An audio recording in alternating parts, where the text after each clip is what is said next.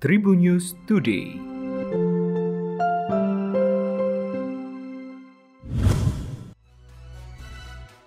Halo Tribuners, berjumpa kembali bersama Memes. Memes akan berbagi informasi untuk kamu dimulai dari berita nasional.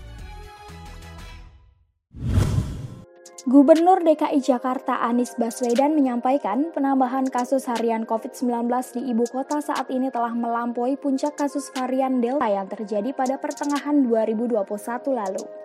Diketahui dalam beberapa hari terakhir, DKI selalu di peringkat pertama sebagai penyumbang kasus aktif terbanyak.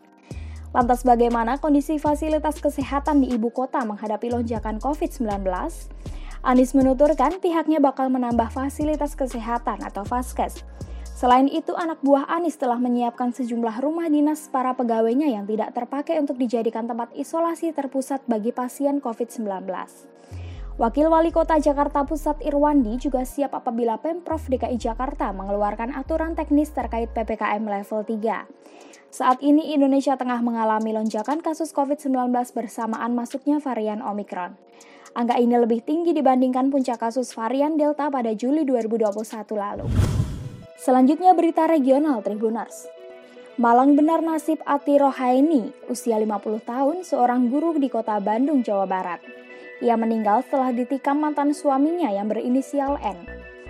Ironisnya, Ati tewas dalam sekolah tempat ia bisa mengajar di SDN 32 Tilil, Sedang Serang, Coblong, Kota Bandung.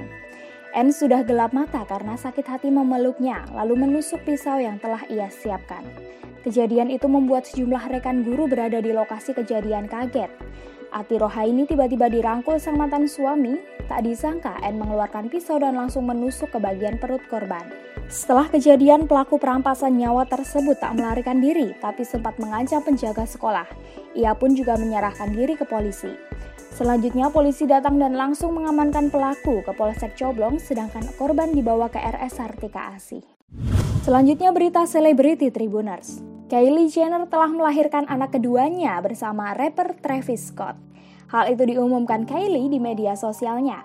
Dilansir dari Asosiasi Press, wanita 24 tahun itu tidak belak-belakan menulis jenis kelamin sang bayi.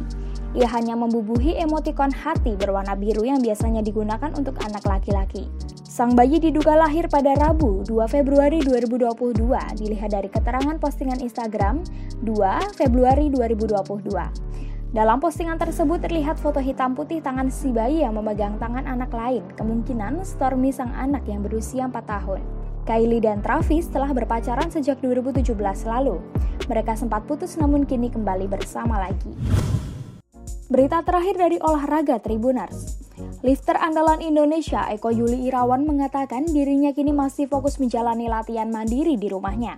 Pasalnya, Eko Yuli belum mendapatkan panggilan masuk pelatnas PB PAPSI.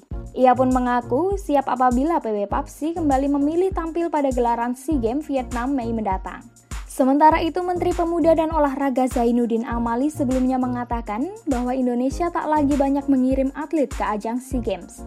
Pasalnya dalam program desain besar olahraga nasional SEA Games dan ASEAN Games tak lagi jadi target prestasi utama olahraga di Indonesia.